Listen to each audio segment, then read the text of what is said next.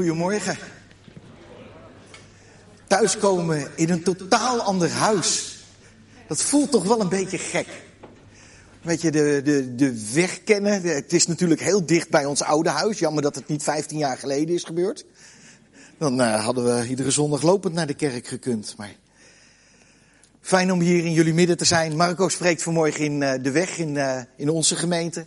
En ik mag nu hier zijn, hartstikke mooi. Leven vanuit rust is het thema wat ik gekozen heb. Ik had van de zomer een boek gelezen met die titel. En ik denk dat is uh, mooi om uh, daarover te spreken. Zo aan het begin van het seizoen, komend uit de vakantietijd. Waarbij we wat ontspannen zijn en dan begint het seizoen weer. En dan komt alles weer op je af. En hoe kan je dan uh, iets van de rust vasthouden? Ik wil met jullie een psalm lezen. En ik heb die uit, een, uit de Engelse vertaling van de Message vertaald naar het Nederlands. Dat heb ik redelijk vrij gedaan. En ik ga hem eerst even zo voorlezen. En ik vraag me af of iemand kan herkennen welke psalm dat dan is. Gaan we niet een wedstrijdje van maken, maar wie weet. God, ik probeer geen geschiedenis te schrijven met mijn leven. Ik hoef niet de CEO van Google te zijn. Ik bemoei me niet met zaken die de mijne niet zijn en ook heb ik geen buitensporige dromen of verlangens. Ik hou mijn voetjes aan de grond. Ik heb een groeiende vrede in mijn hart. Zoals een baby tevreden ontspant in de armen van zijn moeder, zo ontspant mijn ziel zich tevreden. Wacht, Israël, op God. Wacht met hoop. Wacht nu. Hoop altijd. Heeft iemand een idee? Huip heeft het goed. We gaan hem nu lezen vanuit de, we gaan hem nu lezen vanuit de herziene statenvertaling. Ik had een PowerPoint presentatie gemaakt, maar ja, voor een groot scherm, dus die past niet. Uh, dus ik hoop dat je je Bijbel bij je hebt en anders je telefoon en anders luister je gewoon goed. Psalm 131. Een pelgrimslied van David. Heere, mijn hart is niet hoogmoedig. Mijn ogen zijn niet trots, ook wandel ik niet in dingen die te groot en te wonderlijk voor mij zijn. Voorwaar, ik heb mijn ziel tot rust en stilte gebracht. Als een kind dat de borst van zijn moeder ontwend is bij zijn moeder. Mijn ziel is in mij als een kind dat de borst ontwend is. Israël hoop op de Heere, van nu aan tot in eeuwigheid. De lettertjes in mijn Bijbel zijn tegenwoordig te klein, dus ik print het altijd maar even uit. Als ik dit zo lees, en als je zo met zo'n thema bezig bent, dan denk ik, hoe ontwikkel je een groeiende vrede? Hoe kan je je ziel laten ontspannen? Hoe kan je ook buiten het zomerseizoen, buiten je vakantie, je leven zo inrichten dat je leeft vanuit rust? En ik denk dat het vragen zijn waar we allemaal van tijd tot tijd wel eens bij stilstaan. Hoe overleef je in die gestreste wereld? Hoe hou je de vrede vast? En in deze korte pelgrimspsalm vinden we een stukje van het antwoord wat David geeft. Hij adviseert ons eigenlijk, maak je toch niet zo druk. Wees reëel met je levensdoelen. Overschat jezelf niet. En bemoei je niet met zaken waar je geen invloed op hebt. Blijf gerust met je beide benen op de grond staan. Ambitie is helemaal niet slecht hoor. Maar laat je de kop niet gek maken. Weet je wat veel belangrijker is dan je carrière? Is dat je vrede hebt in je hart. Ik denk dat als David deze psalm in onze tijd had geschreven, dan had hij gezegd: Je moet niet uh, Christine Lagarde, Bill Gates of Elon Musk, Mark Zuckerberg of Marianne van Loon als je grote idool nemen. Van zo zou het mijn leven moeten zijn. Maar hij, hij laat onze ogen als het ware van de, de groten der aarde, de groten die carrières maken, die veel macht en invloed hebben. Zegt hij, kijk nou eens naar een babytje. Kijk nou eens naar een babytje en leer van zo'n kindje, van zo'n zuigeling. Weet je, als je naar een baby kijkt die tot rust is gekomen in de armen van de moeder, dan zit daar een les in van hoe je kan leven vanuit rust. Een van de meest bijzondere dingen van baby's, degene bij wie ik op geboortebezoek zijn geweest, ben geweest, die weten dat, dat ik bijna altijd zeg van hoe wonderlijk is het dat er een botje nog in zo'n klein pinky past. Dat vind ik echt altijd bizar als je ziet hoe klein die vingertjes zijn. En dat daar nog botjes en bloedvaatjes en dergelijke in zitten. Maar wat ik ook zo bijzonder vind is van een kindje wat boos is, gespannen is, stress heeft. Dat als het ware een knopje heeft wat volwassenen blijkbaar niet meer gelijken te hebben. Is dat het van spanning opeens om kan slaan in ontspanning. Dat een kind in je armen ligt en dat je die weerstand voelt. En opeens die volledige kilo, wat zo'n kindje weegt, volledig opeens in je armen ligt. Wat is dat prachtig. Dat knopje wat zo'n kleine hummel blijkbaar heeft.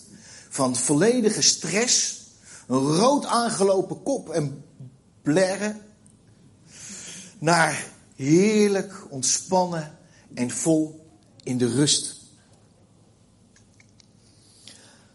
Zo'n hummel heeft geen ontspanningsoefeningen nodig. Die hoeft niet naar de yogales of mindfulness te volgen. Ademhalingstrainingen en softe muziek is overbodig. Zo'n kind kan omschakelen. En met David zeggen: kijk ernaar en leer ervan. Volledig tevreden in de armen van moeders liggen met een schone broek en je volledig veilig en comfortabel voelen. Hoe lekker is dat? Wat een voorbeeld. En hoe kan je daar op latere leeftijd van leren? Hoe kunnen wij ontspannen? Hoe kunnen wij daadwerkelijk tot rust komen? En waarom hebben we die rust überhaupt zo nodig? Door de Bijbel heen zien we dat rust belangrijk is. We zien zelfs dat God rust van zijn werk. Genesis 2, vers 2, daar staat geschreven, toen God op de zevende dag zijn werk dat hij gemaakt had voltooid had, rustte hij op de zevende dag van al zijn werk dat hij gemaakt had. Zes dagen had de Heer geschapen, gecreëerd. En die zevende dag was voor hem een rustdag.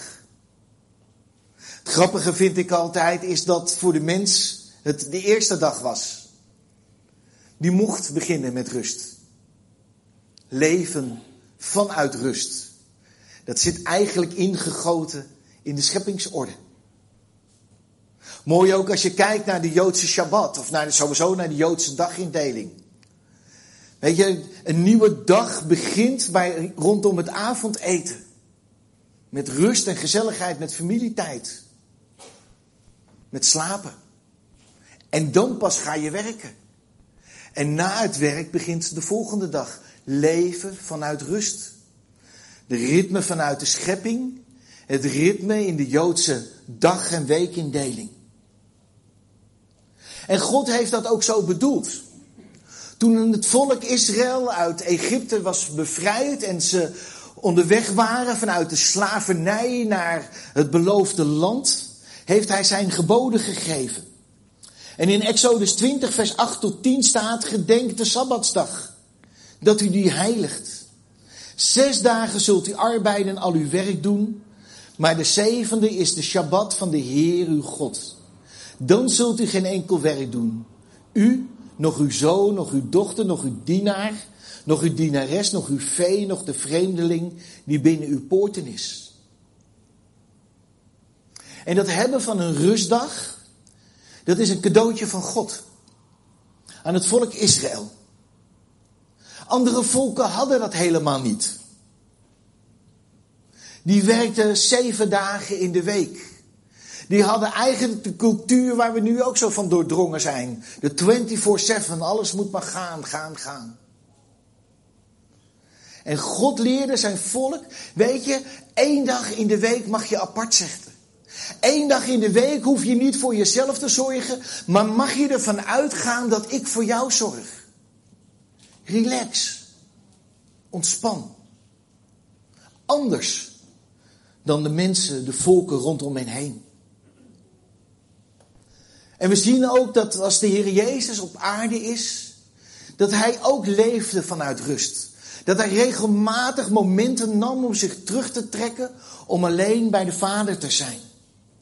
Om alleen met zijn discipelen te zijn, om even niet geleefd te worden, maar zelf de controle over zijn agenda te hebben.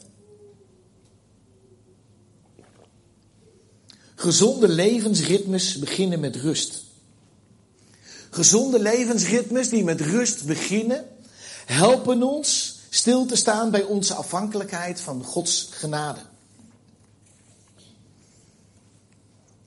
In de psalm wordt Israël, Gods geliefde verbondsvolk, opgeroepen om haar hoop en haar vertrouwen op God te stellen. En dat geldt ook voor ons. Durven we te rusten bij de Heer? Durven we ons vertrouwen op Hem te stellen? Durven we te weten dat het goed komt als we dingen loslaten? Als we de touwtjes uit handen geven? Het is een keuze die we steeds weer mogen maken. Blijf ik zelf in control of geef ik het over aan de Heere God? Het hebben van minimaal één rustdag in de week blijkt uitermate gezond te zijn voor je geest, voor je ziel en voor je lichaam. Maar ook voor je productiviteit. Het feit dat we in een land leven waarin de zondag ook wel redelijk wettisch is ingevuld jarenlang, maakt dat een aantal mensen ook de zondag niet zo leuk vinden. Want op de zondag mocht je binnen bepaalde kerken, in bepaalde dorpen nog steeds, mocht je niks. Toen wij in Venendaal woonden, was het zwembad op zondag dicht, want de kerkmensen vonden het niet goed als de niet-kerkmensen op zondag gingen zwemmen. Daar creëer je denk ik niet heel veel begrip en sympathie mee. En als de winkels moeten sluiten, weet je, dan leggen wij een ander wat op. En mijn, mijn uh, oudste broer en zus mochten van mijn ouders destijds niet op zondag gaan schaatsen. Want dat hoorde niet. Later werden mijn ouders daar een stuk soepeler in. Maar er zijn heel veel regeltjes op die zondag gelegd wat je niet mag doen.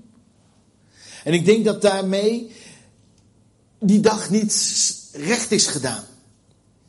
Ik denk niet dat dat de juiste interpretatie van de rustdag is. De rustdag is de dag van recreatie, van herschepping. De dag van genieten van wat God heeft gemaakt en gegeven. De dag waarop we ons mogen laven aan zijn goedheid. En dat betekent niet, volgens mij, dat je de hele dag op je stoel moet stilzitten. Maar dat het juist een dag is waarop je je batterij kan en mag opladen. Primair je geestelijke batterij.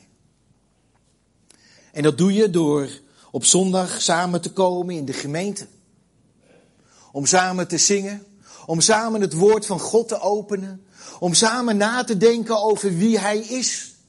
Die schepper. Die jou die rustdag geeft. Om Hem te ontmoeten en opgebouwd te worden in het geloof. Om je geloofsgenoten te, uh, met hen op te trekken. Dat versterkt je relatie met God. Dat versterkt je relatie met je geloofsgenoten. Dat helpt je om fris in het leven te staan. Maar het mag ook een dag zijn waarop je je lichamelijke batterij oplaadt. En de een die doet dat door te sporten. Rob en Carolien waren laatst bij ons in uh, Hoogkarspel en Rob gaat op zijn fiets terug naar huis. Wij doen er een uur over met de auto. Jij hebt er drieënhalf uur over gedaan op de fiets? Hij heeft wel afgesneden. Oh, voor de wind. Ja, eigenlijk appeltje eitje. De een geniet ervan om stevig te gaan sporten. De ander trekt zich liever terug met een boek. De extroverts genieten ervan om met een grote groep mensen om zich heen te zijn. En dat laat hun batterij op. Terwijl een introvert er juist van geniet om even lekker alleen te zijn. Sommigen genieten enorm van een stadswandeling, een museumbezoek of het bekijken van de architectuur. Terwijl een ander zegt, laat mij maar los in de schepping. En zo zijn we allemaal verschillend. En dat kan en dat mag. Doreen en ik genieten samen van het golfen en van reizen maken. Maar zij vindt het ook leuk om in de tuin te werken. Laag bij de grond, met je vingers in de aarde. Ik snap er geen hout van, ik vind er niks aan. We hebben dan gelukkig sinds gisteren weer kippen. Daar kan ik dan van genieten om voor ze te zorgen. Maar Doreen doet de plantjes en de moestuin. Ik vind het heerlijk om in bad een boek te lezen. Daar is Doreen binnen vijf minuten alweer klaar mee. En hoe je ontspant, weet je, dat mag je op een eigen manier doen. En als stel is het heel handig om een aantal dingen samen te doen. Want dat is enorm belangrijk. Maar geef elkaar ook de ruimte om daarin verschillend te zijn. Geliefde Bob Noorders. En dat zijn jullie nog steeds. Ik hoop dat je steeds weer opnieuw manieren zal vinden om te ontspannen. Maar bovenal dat je steeds weer je hoop op de Heer zet. Dat je geen slaaf van je agenda bent. Dat je je niet laat leiden door alles wat men vindt dat je moet doen. Je carrière en je ambities zijn prima. Maar denk vooral aan de gezondheid van je ziel. Je bent immers een kind van God. Dus, vertrouw met Israël op God ten alle tijden. Stel je vertrouwen alleen op Hem. Hij is onze hoop. Van nu aan tot in eeuwigheid. Amen. Mag ik met jullie bidden?